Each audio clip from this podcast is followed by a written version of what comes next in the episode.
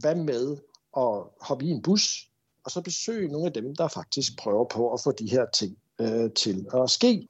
Det er altså et forsøg på at komme ned i øjenhøjde, som vi kalder det. Altså komme ud nærmest næsten og mærke og føle på de mennesker, og føle på de teknologier, og føle på de steder, og så simpelthen se det.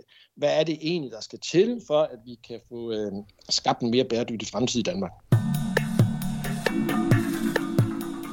Velkommen til Bæredygtig Business. En podcast, hvor vi undersøger sammenhængen mellem bæredygtighed og forretning.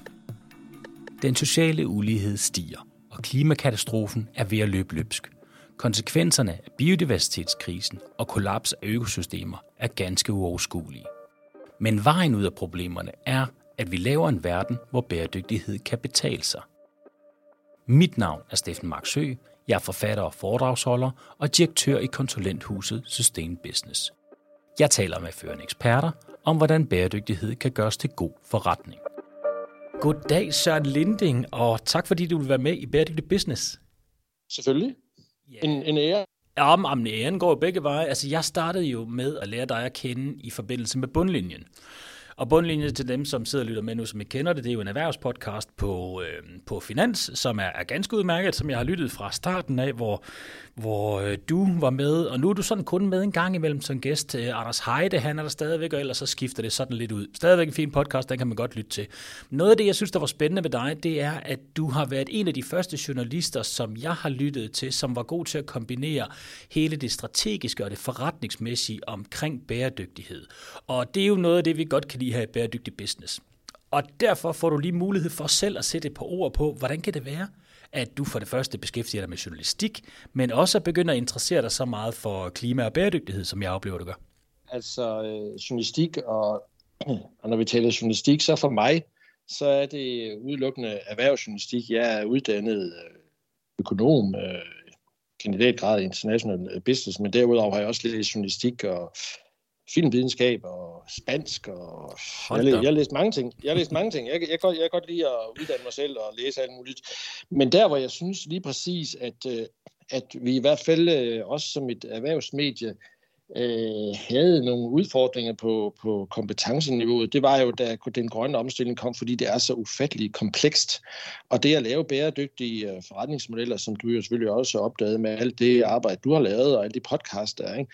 Det, det gør bare, at der er så mange dilemmaer, og, og der er ikke rigtig nogen rigtige svar. Så, så, så derfor interesserer det mig bare øh, utrolig meget, det med at prøve på at finde ud af, hvordan man kan, kan få en tilgang til det, så, øh, så vi kan øh, lave noget, noget journalistik, som omhandler lige præcis et kæmpestort problem og en udfordring, som rigtig mange af vores læsere øh, står med. Så det kommer ud af den interesse, som også var en, øh, en, en, hvad kan man sige, en, en erkendelse af, at jeg også selv havde øh, store huller i min viden i, i forhold til, øh, hvordan får vi kombineret lige præcis det, du snakker om, altså en, en, en kommersiel logik med den grønne omstilling, og det er svært. Ja, og jeg synes, det er utroligt interessant på mange forskellige områder. Altså, når det handler om bæredygtighed og, øh, og ESG, som, øh, som rigtig mange taler om lige nu, som jo ikke er præcis det samme, men dog meget derhen af, så kan man sige, at det, der er fællesnævneren, det er, at alle folk får simpelthen har brug for uddannelse, når det handler om, øh, om ESG og bæredygtighed. Og det er jo både øh, øh, erhvervsfolk, der sidder ude i virksomhederne og skal drive dem. Det er jo sådan set også dem, der er på helt operationel plan, der skal til at, putte det ind i deres dagligdag.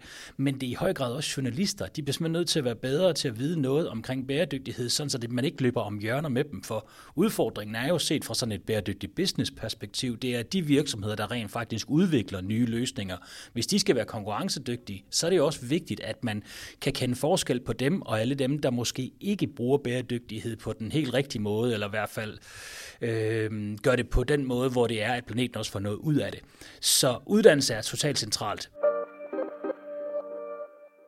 Så en ledning, du har jo sammen med din øh, kollega fra Finans, øh, Jakob Martini, lavet en, øh, en studietur, kan man vel godt kalde det, den, en grøn YDC ud i, i det danske erhvervsliv for at se, hvorfor den grønne omstilling egentlig er, er gået stå.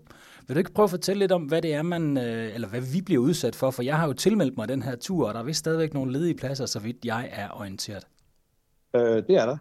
Øh, jo, altså turen og, og selve ideen til turen øh, startede med, at vi har skrevet på øh, både på Jyllandsposten og på Finans rigtig mange historier omkring en masse udfordringer, som tårner sig op for dem, der gerne vil øh, den grønne omstilling. Og øh, det bliver, nemlig blive en teoretisk snak, og politikere, der står på Christiansborg og, og, og mener, hvad der skal til. Og der var det bare, hvad med at hoppe i en bus, og så simpelthen køre. Der sker mange ting på, på Sjælland, men der sker også mange ting over i Jylland. Blandt andet køre over til Jylland, og så besøge nogle af dem, der faktisk prøver på at få de her ting øh, til at ske. Og en af dem, vi blandt andet skal, skal besøge, er jo øh, Danmarks største øh, Power-to-X-anlæg, øh, altså som laver øh, strøm om til, øh, til grønne brændstoffer, og høre noget omkring, hvilke udfordringer er der med at få et så stort anlæg op øh, og stå. Og det er bare en del af det. Vi skal forbi, øh, vi skal se byggeri, øh, vi skal også gerne se noget landbrug, og vi skal nogle andre spændende ting, men vi skal især også tale med de mennesker, som kæmper en kamp. De ildsjæle, der kæmper for at prøve på at overkomme nogle af de faldgrupper og udfordringer, som man bliver præsenteret med, når man skal prøve på at få lavet ord om til handling. Det er altså et forsøg på at komme ned i øjenhøjde, som vi kalder det, altså komme ud nærmest næsten at mærke og føle på de mennesker, og føle på de teknologier, føle på de steder, og så simpelthen se det. Hvad er det egentlig, der skal til, for at vi kan få øh, skabt en mere bæredygtig fremtid i Danmark? Og det er det, jeg synes, der er en interessant vinkel på det, fordi sådan som jeg ser det lige nu, så kan man sige, at vi har været igennem et, et stadie, der handlede meget om storytelling ude i virksomhederne, når det handlede om, om øh, klima og bæredygtighed. Det handlede om, hvem kunne lave den, den mest, øh, øh altså den flotteste CSR-rapport med de fineste billeder, med masser af lækker prosa, der drejede sig om alle de fortrinligheder, som man gjorde, men det var meget lidt målfast. Så ikke mindst øh, i kraft af, klimaforandringerne og biodiversitetskrisen er blevet meget værre, så er der kommet mere fokus på, at nu skal vi til at måle nogle af de her ting. Det er jo også godt skubbet i gang af alt det EU-lovgivning, der er.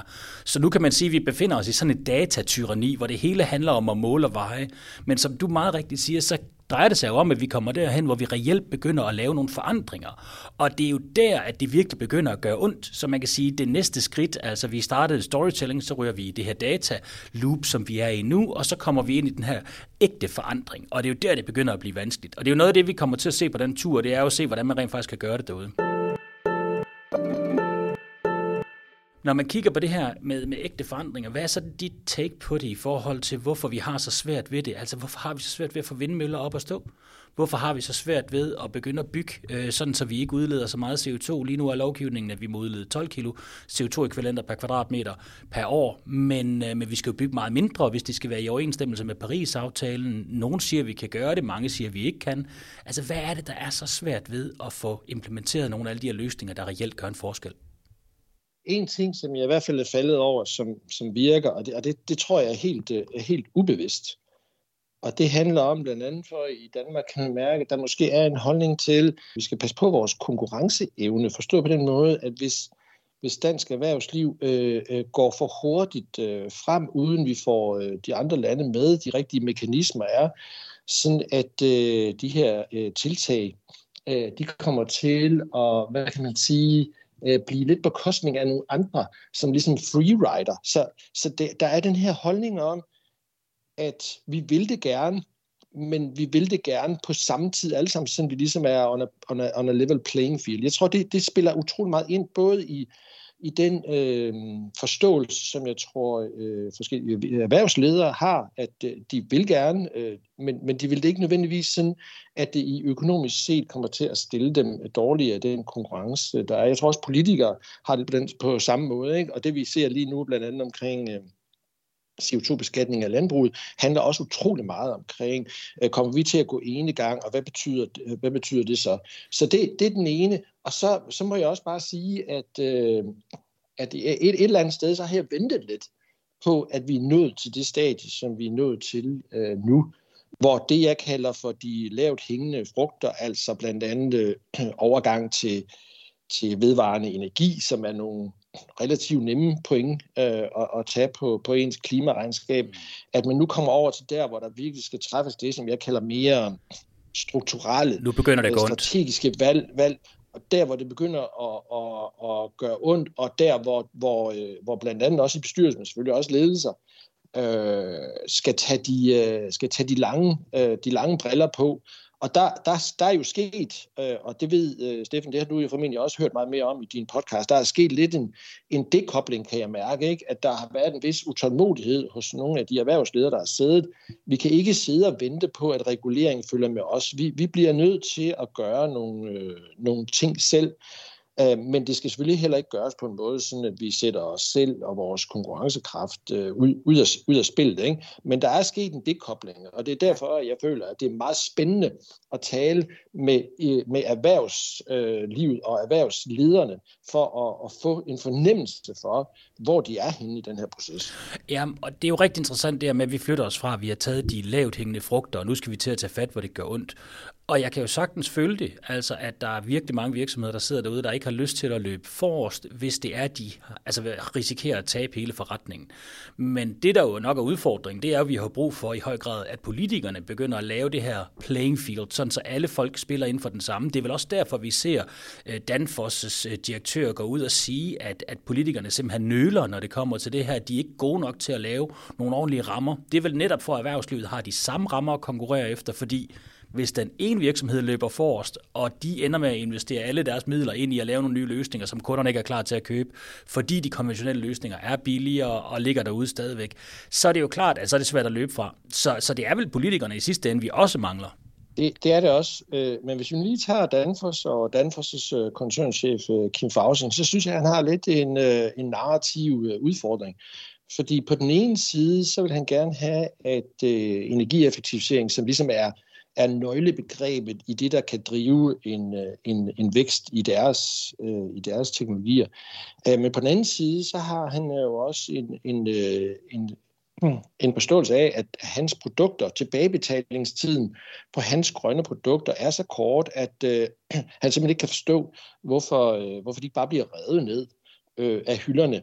Så der er altså stadigvæk et eller andet med, at, øh, at det ikke helt hænger sammen. Ikke? Altså, hvis økonomien bag nogle af de her grønne teknologier er så åbenlyst stærk, så vil normal økonomisk tyngdekraft øh, simpelthen betyde, at så vil man gå den vej. Så det betyder altså, der er stadigvæk nogle, nu kalder jeg det huller, et eller andet sted, som gør, at, øh, at, at, de, øh, at de teknologiske løsninger, som er mere bæredygtige, stadigvæk er øh, noget dyre og har brug for det skub der, som du nævnte før, med politikerne skal på en eller anden måde skabe enten regulering, støtteordninger, vi kan kalde det, hvad vi vil, så længe vi ikke har en ensartet CO2-beskatning, som vil få det hele til at rulle øh, under alle omstændigheder, så skal man ind og understøtte det, ikke? fordi der mangler skalerbarheden i det. Altså, markedet bliver større, når det bliver større, så bliver enhedsomkostningen lavere, og så bliver prisen også lavere. Så der er bare nogle bolde, som man ikke helt kan finde ud af, hvem der kommer til at skubbe til. Og, og lige nu, der står vi virkelig i et, synes jeg,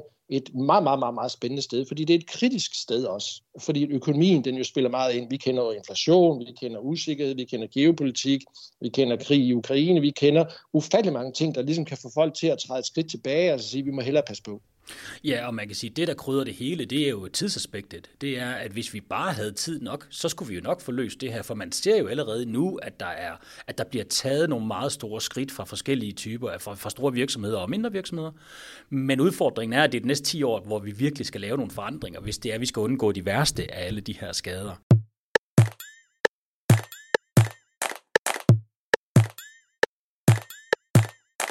Hvordan ser du erhvervslivets mod og modenhed i forhold til at tale om ESG og bæredygtighed og bruge det strategisk i deres, øh, i deres altså fremtidige arbejde med virksomheden? Hvis vi for eksempel tager et eksempel som FL Schmidt, der er meget spændende, som øh, i 140 år har, har produceret cement, og, og nu har de valgt at sætte deres cementdel af forretningen til salg, som udgør 20 procent af deres forretning, til fordel for hele miningdelen, som jo er åbenlyst det, der kommer til at være penge i på lang sigt.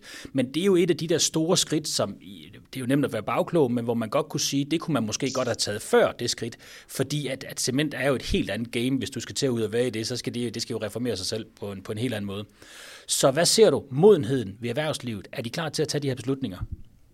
Altså, vi, vi kan hurtigt tage F.L. Schmidt, som jo er en, øh, en historie helt, øh, helt for sig selv, og der kan man, der kan man så, hvis man sådan skal sige det helt groft og, og firkantet, sige, at øh, FL Schmidt har ikke en indtjening, der gør, øh, Øh, at de kan investere de midler, der skal til for at lave den grønne transition, der skal til både inden for, for cementfabrikker og inden for mineudstyr.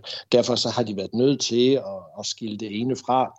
Og, og øh, altså cement er jo et oplagt sted, hvor øh, nye teknologiske løsninger kan gøre en kæmpe forskel, men det kræver altså enormt store investeringer. Det har de penge har F.L. Schmidt øh, altså ikke. Så derfor synes jeg, at det er en meget, meget, meget klog beslutning, at de nu vælger at finde en ny ejer. Jeg synes også, det er kommet alt for sent, øh, den beslutning, fordi det er blevet udmarvet og øh, udbenet øh, i lang tid, øh, cementforretningen, fordi at der altså ikke har været en ejer, der, der gik øh, tilstrækkeligt meget op i det. Så det, det er den ene, men den anden, når du taler om modenhed, og der, der må jeg bare sige, at øh, det der med tiden ikke, er også noget, som, øh, som klimajournalistikken øh, kæmper ufattelig meget med fordi det er jo noget med i 2050-mål, øh, så får man det koordineret ned til noget 2040, noget 2030, og da man begyndte at snakke om det, så var der måske en, en 10, 12, 15 år til. Ikke? Nu, nu er vi trods alt nede på, at vi taler jo faktisk 6 år, ikke? og der er også mange, der har 20-25-mål. Og det er noget, som lige præcis gør, at klimajournalistik, også inden for erhvervs, øh, erhvervslivet, er meget, meget, meget svært. Det er fordi, hvordan, hvordan kan vi holde nogen op øh, på noget, øh, som jo faktisk øh, ligger så langt ud i fremtiden, at øh, ingen af dem, man sidder og taler med, jo egentlig er dem, der skal komme til at, at være ansvarlige over for det. Så derfor ser jeg virkelig øh, frem til, at vi nu har fået de her kaldte kalde det milepæle på vejen mod det, sådan at der er nogen, der skal komme og prøve på at fortælle, hvorfor de nu ikke levede op ja. til de mål, som de har. Og der er min frygt jo, at der går lidt ligesom, øh, ligesom regeringen, ikke? Og, og, øh, og lige pludselig så dukker der nogle nye øh, beregninger op, øh, som gør, at man lige pludselig finder 2 millioner øh, tons. Ikke? Og det kan der sagtens også være hos nogle af virksomheder, der lige pludselig laver en ny øh, skønsmæssig beregning på et eller andet, øh, hvor man så kan sige, at det vi andre sidder og savner, det er jo, øh, at, at man faktisk laver noget strukturelt. Altså, at man, man, man gør noget, i stedet yeah. for, at der er nogen, der lige pludselig finder på nogle nye altså. øh, beregninger. Men, men det er den helt store svære disciplin inden for klimajournalistikken, det er, at, at det ligger så langt ude i fremtiden, og klimaforandringer er noget, der sker meget langsomt. Ja, og, øh, og det har vi lidt svært ved at tage seriøst, når det kommer snigende. Så er vi mennesker bare ikke sådan helt øh, wired til at tage det lige så seriøst, som hvis der kommer springende en, en tiger ind på det kontor, man sidder i. Men klimajournalistikken bliver vel hjulpet rigtig godt på vej ved, at der nu kommer en masse EU-lovgivning. Og i den EU-lovgivning, hvis man er de større virksomheder, så skal man jo ind og ikke bare lave øh, langmål, man skal også lave delmål, og altså både korte og på mellemlang og på lang sigt. Så det bliver vel bare en my nemmere for jer at holde øje med, om virksomhederne rent faktisk gør det, de siger. For hvis man kiggede på, på øh, regeringen lige nu, altså så kan man jo godt se, at, at, at de lever ikke op til de målsætninger, de løfter, de har lavet. Havde det været en virksomhed, så havde det jo, det havde jo kostet på aktiekursen det, det, det skulle man selvfølgelig mene. Der hvor jeg så også siger, som, som, øh, som erhvervsjournalistikken og herunder også klimajournalistikken har en kæmpe udfordring, det er jo på kompetenceniveauet. Og det er jo, at, øh, at øh, hvis, hvis ambitionen, og det er jo ambitionen, det er jo, at, at erhvervsjournalister på de større medier i hvert fald, skal kunne læse et bæredygtighedsregnskab slash klimaregnskab med samme kyndighed og, og overblik, øh, for nuancerne, som, øh, som de er trænet i at læse et, øh, et mere traditionelt øh, finansielt øh, regnskab. Ikke? Og der har man brug for nogle standarder, ikke? Og, og det er de standarder, som du nævner der, der kommer i forbindelse med noget EU-lovgivning, ikke? som først bliver faset øh, ind for alvor fra, fra, fra næste år med de største, og så i løbet af en årrække, så, så gælder det jo stort set, øh, stort set alle. Og, der, og, og det er jo selvfølgelig også noget, som øh, vi arbejder på og prøver på at blive øh, dygtigere til, øh, fordi det er nemlig lige præcis vigtigt, som du siger der, ikke? at der er muligheder for, i hvert fald sådan som det står lige nu, der er rigtig mange skøn, øh, især de her scope 3, øh, som det jo hedder, hvor man prøver på at finde ud af, hvad er klimaaftrykket i hele ens værdikæder, ikke kun den, man selv har Øh, kontrol, øh, kontrol over, den er, jo, den er jo øh, rimelig udfordret af. Det kan være alle mulige steder på kloden. Så der er en kæmpe opgave der. Ikke? Men det er altså det, der, jeg tror, det er det, der skal, det er det, der skal til. Det er jo noget transparens, altså noget gennemsigtighed i, hvem er det, der gør det godt, som vi kan hylde, hvis man skal sige på den måde, eller i hvert fald få læsere og andre til at kigge den der vej og se, hvad har de gjort, ikke?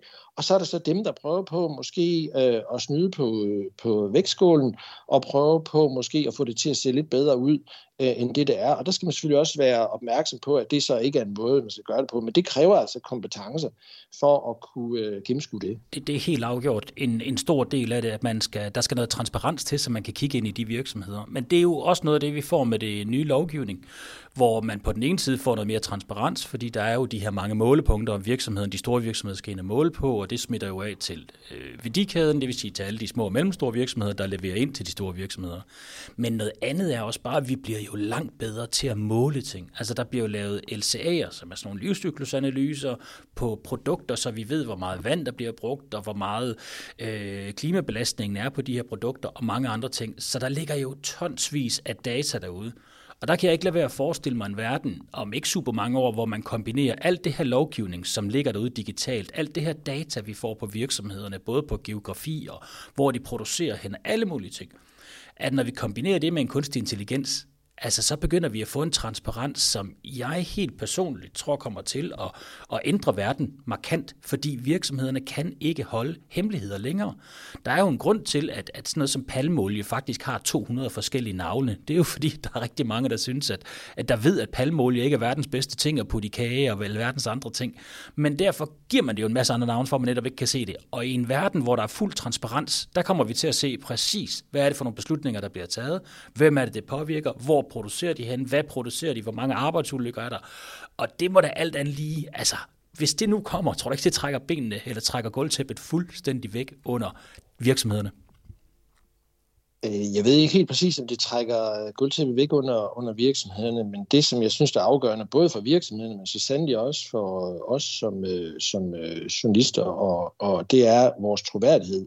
Altså, og det, det, det handler jo om, at det, at det kan dokumenteres. Ikke? Så, så hvis det er sådan, du nævner, at der er nogen, der prøver på at bruge noget, der er sort, men de siger, at det er, det er grønt, mm-hmm. så skal der altså være en, en, en relativt stor dokumentation for, at det er det. Fordi det noget af det værste, der sådan mere eller mindre kan ske, det er jo, at hvis ingen øh, ender med at tro på noget som helst, Altså, ja. øh, hvis, hvis, hvis der er et, et grønt produkt, og der er blevet investeret øh, rigtig meget i at udskifte plast med, med, med andre materialer for at få klimaaftrykket ned, og det har man selvfølgelig lyst til at kunne skrive øh, i en eller anden form for varedeklaration, eller, eller øh, anprise det på en eller anden måde, men det, men det kan du simpelthen ikke, fordi at der er ikke nogen øh, troværdighed bagved det. Det er jo ikke noget, der ansporer til større, øh, til større investeringer på den anden måde også, hvis det er sådan, at, at øh, journalister og andre skriver øh, omkring omkring øh, virksomheder, som enten er på den gode side eller på den mindre øh, gode side, og det viser sig, at det ikke er dokumenteret, og det slet ikke passer, så, så, så er troværdigheden i forhold til at begynde at tro på noget som helst. Ikke? Og så er det jo faktisk også, hvis man, hvis man hæver sig lidt mere op på et mere øh, samfundsøkonomisk, men sådan set også klimamæssigt niveau, så vil det også betyde, at klimakampen jo kommer til at lide. Fordi hvem er det så, der har lyst til at kaste sig ind i den, hvis det er sådan, at man ikke kan tro på, at der er noget, der efterhånden batter. Og, og, og det er jo det værste, ikke? Så, så det er derfor, jeg synes, at lige præcis de år her, ikke? altså det er så utrolig kritisk, at vi prøver på at se, om vi kan få sat øhm, øh, fødder, fødderne rigtigt. Fordi det, der er vigtigt, det er jo, at, øh, at der er mange, øh, i hvert fald også mange, som jeg taler med, ude i, i erhvervslivets top, som enormt gerne vil det her. Ikke? Men man vil også gerne have, at det bliver øh, beskrevet på, på, nu kalder jeg det en fair færre vis. Øh, det betyder selvfølgelig, at det er balanceret, ikke? Øh, og de vil meget gerne have det kritisk, fordi nogle gange så er det jo faktisk øh, toppen af virksomhederne, som er mere ops på, at det her det lykkes, altså den grønne omstilling får fart på, hvorimod nogen, der måske sidder lidt længere nede, som er mere optaget af, at man gør det, som man plejer at gøre, og forandringer er ikke nødvendigvis noget, man lige har man lige har lyst til. Ikke? Altså, så så der, er, der er stærke kræfter, der, der ligesom hjælper på den vej, du nævnte der før, i forhold til at prøve på at få det her til at, at ske, og få det til at ske øh, øh, faktisk lige nu, øh, frem mod, øh, mod 2030. Og det er selvfølgelig også derfor, at vi enormt gerne vil, øh, vil have nogle flere med på vores... Øh, på vores tur, fordi det er der, vi mener, at man kan få en indsigt i, hvorfor det er så svært. Og, og, og jeg har heller ikke nødvendigvis svarene, fordi at, øh, jeg glæder mig også øh, selv utrolig meget, fordi at, øh, det ændrer sig hele tiden. Udfordringerne tårner sig op øh, i, i forskellige brancher.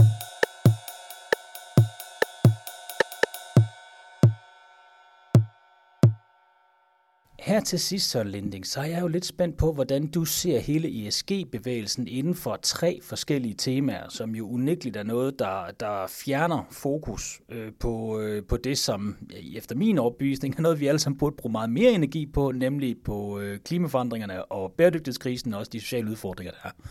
Så hvordan ser du ESG i forhold til krig? Vi ser krig tæt på Europa, eller i Europa rent faktisk. Hvordan afspejler du det så i hele ESG-agendaen i, i en erhvervsmæssig kontekst? Tror du, det her det kommer til at fjerne fokus? Det gør det åbenlyst, men hvordan og hvor meget? Hvad er dit take på det? Mit, øh, mit take er, øh, at, det, at den del af bæredygtigheden, der fylder rigtig meget lige nu, er jo øh, energiforsyning. Øh, øh, og øh, der, der har det absolut en enorm positiv effekt. Altså sikre øh, forsyning af energi i øh, Europa, og at øh, der er der heldigvis nogle politikere, der ser, at det er det samme som at være afhængig af nogle øh, sheiker nede i, øh, nede i Mellemøsten, end at være afhængig af Putin øh, i Rusland. Så der kan vi se, at der er et kæmpe push i forhold til at få, øh, at få øh, omstillet energiforsyningen i øh, Europa. Og det kan simpelthen ikke øh, gå hurtigt nok. Men det, der så, kan man sige, igen igen viser nogle af de teser, som vi hele tiden arbejder med, at det er mange gange øh, enten økonomien eller energiforsyningen, der spiller ind. Det jeg hører ikke at det er øh, den grønne omstilling og klimakampen, som er bevæggrundene i, i det skub. Øh, så, så, så krig i den her forbindelse handler om, øh, om forsyningssikkerhed, og så kommer det tilbage igen til det, der er de kritiske øh, samfundsmæssige sektorer herunder energi. Øh, når vi så breder den lidt ud, så er jeg altså lidt mere bekymret, hvis du spørger mig til, hvordan den sådan mere almene bæredygtighed, hvordan øh, den, den så har det, ikke? så kan vi godt se, at øh, der skal altså bruges øh, relativt mange penge øh, på at opruste Europa.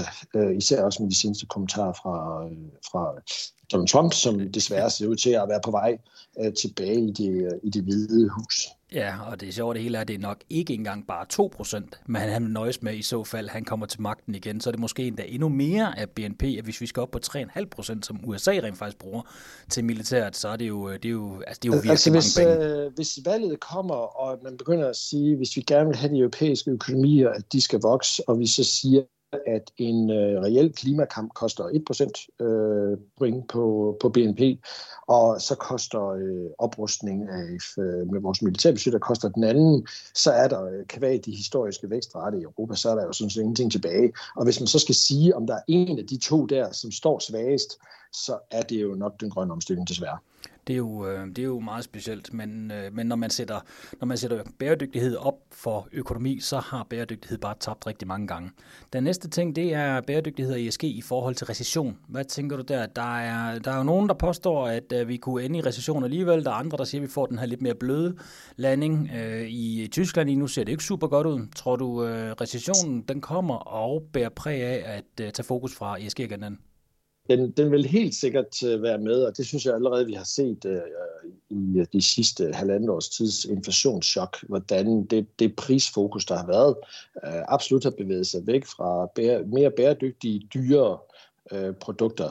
Det er altså der, hvor jeg jo altså, er stor tilhænger af, at man bliver nødt til at gøre et eller andet uh, for at promovere de mere bæredygtige sektorer. Og, og hvis det er sådan, vi så desværre bliver nødt til at, at at sige, at øh, en, en CO2, en ensartet CO2-beskatning har lidt øh, lange øh, udsigter, så er det jo der, hvor man bliver nødt til, i hvert fald på øh, land for land, bliver nødt til at promovere visse dele af bæredygtig sektoren ved nogle forskellige støtte øh, regimer for at gøre det. Om øh, vi så ser, om det er elbiler eller hvad, øh, hvad det er, så, øh, så bliver man nødt til at skubbe på det.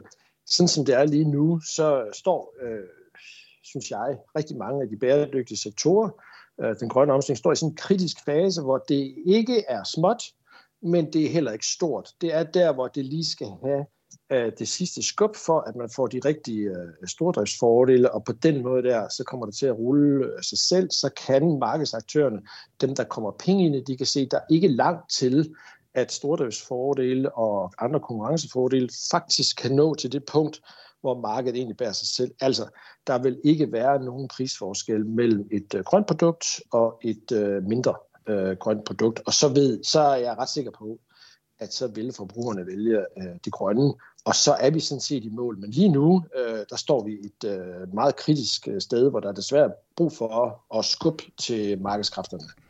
Ja, og det er jo sjovt, for man kan jo væk langt de fleste folk, der ved noget om, øh, om bæredygtighedsagendaen, hvad man eventuelt skulle lykkes med at implementere nogle af de her løsninger. Og midt om natten kan man vække dem, og så vil de alle sammen sige CO2-afgiften som det værktøj, vi sådan set mangler. Men lad os se, om det kommer. Der er jo en hel del snak om, der skal ske noget i EU, og så en, en tolvring rundt om EU, og så på den måde, så vil man svinge andre folk til at bidrage til festen om øh, det der med tolvringen, altså, som er den her øh, cross-border øh, control mechanism, øh, det, den, den er jo absolut, altså absolut nødvendig for, at man ikke har det her lækageeffekt, altså at man står med nogle, øh, man står med nogle produkter, der er produceret i, øh, i Europa, øh, som jo altså har en høj øh, CO2-beskatning, øh, og så er der en import af nogen fra, fra steder, hvor der ingen CO2-beskatning er, og så siger sig selv, at det er ulige konkurrence. Det bliver man selvfølgelig nødt til at gøre noget ved. Og det er jo lige præcis der, hvor vi har rigtig mange virksomhedsledere og virksomhedsejere, som går og tænker over, hvordan skal vi nogensinde lykkes med det her, hvis det er, at vi bliver i Europa tvunget til at comply med en masse regler og lovgivning, og så bliver vores produkter dyre, og så kan vi ikke konkurrere i den internationale konkurrence. Nu nævnte jeg det med det kritiske igen. Altså, der har jo desværre været, øh, der er det her, øh, der er direktiv omkring øh, Øh, øh, bolig, altså boligbyggeri og, og hvor, hvor bæredygtigt øh, det skal være, hvor der er nogen, der begynder at, øh, at forsinke det, og tyskerne har udvist øh, en vis tøven, og det gør jo bare, dem der så skal bygge, øh, de tøver, eller så bygger de jo bare, som de har gjort øh, altid, og så kommer vi jo desværre ingen steder, så er der udskiftning af gasfyr og oliefyr i, øh, i Storbritannien. Der ser vi også, at øh, der er nogen, der ikke har råd til det, og så kommer økonomien igen.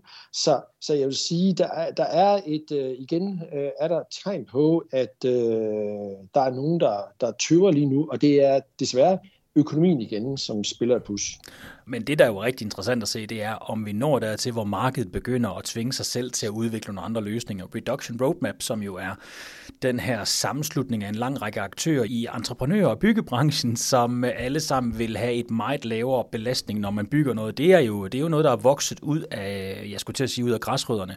Så det kan jo også godt være, at der sker nogle ting, som ikke nødvendigvis bliver varetaget aller, aller øverst op fra. Til allersidst, så skal vi lige snakke om øh, noget, som jeg virkelig er meget optaget af selv, og det er den højre drejning, altså den, øh, den øh, Greece first, Italy first, America first, altså hele den her nationalistiske højredrejning, som vi ser i, øh, ja, i Italien og i, i Ungarn og rigtig mange andre steder. Hvordan ser du den i forhold til ESG-agendaen? For der er jo ingen tvivl om, at ESG-agendaen er meget lavt på listen over de her partier, der ligger langt ude på højrefløjen og tænker meget på deres egen næsetip, så at sige den kommer jo faktisk også fra USA. Altså også hele Vogue, Vogue-bevægelsen, og nu, nu er det jo nok mere anti-Vogue, end det er, end det er Vogue-bevægelsen øh, det må man sige. ESG.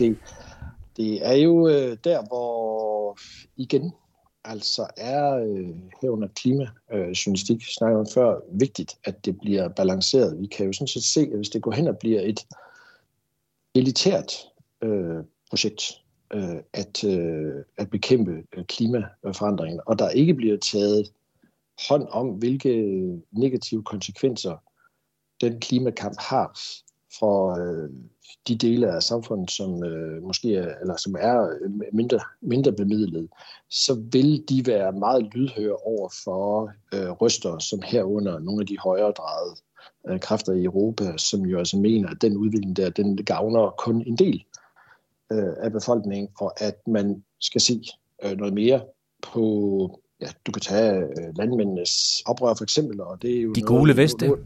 De gule veste, og, og det er sjovt, altså ting, ting starter i, øh, ting starter meget ofte i, øh, i, i Frankrig, og øh, det kan vi jo heller ikke afvise, at det, øh, det kommer til, øh, til Danmark. Og det er en, øh, det er altså en bekymring, som man jo virkelig skal øh, tage, tage alvorligt, og selvom jeg jo er sådan du næsten kan høre, ikke, er meget stor fortæller for, at øh, vi bliver nødt til at tage nogle, nogle hårde øh, indgreb, ikke? så er det så, at det kræver, at man jo blandt andet forklarer, at det ikke bare er noget, der så skal indføres øh, fra den ene dag til den anden. Altså en ting, det er, at det er en ensartet øh, afgift, og den helst skal være i så store dele af verden som overhovedet muligt, så skal man også sørge for, at den er så gennemsigtig som muligt, og den bliver indført gradvist, sådan at dem, den kan du sige, der skal tilpasse sig mest og bliver hårdest ramt, de også har tid til at prøve på at finde øh, nye muligheder for, øh, hvis det går ud over deres levebrød. Så, så der er bare nogle helt klare øh, hvad kan sige, retningslinjer for, hvordan man skal gøre det her. Ikke? Og igen, kommunikationsopgaven er absolut øh, kritisk, og det er mediernes dækning selvfølgelig også af de her forhold. Ja, den sociale retfærdighed, den er vigtig at huske, hvis man skal lykkes med at løse nogle af de her ting, og det var jo rent faktisk det, vi startede samtalen ud med. Søren Linding, tusind tak, fordi du ville være med i Bæredygtig Business. Det har været en fornøjelse. Tak, det var en stor fornøjelse at være med. Tak fordi du lyttede til Bæredygtig Business. Find mig gerne på LinkedIn, hvis du vil netværke, eller hvis du har idéer til nye episoder. Ris og ros er også velkommen. Del meget gerne podcasten med dine venner, og husk at give os en god anmeldelse, så bliver vi så glade.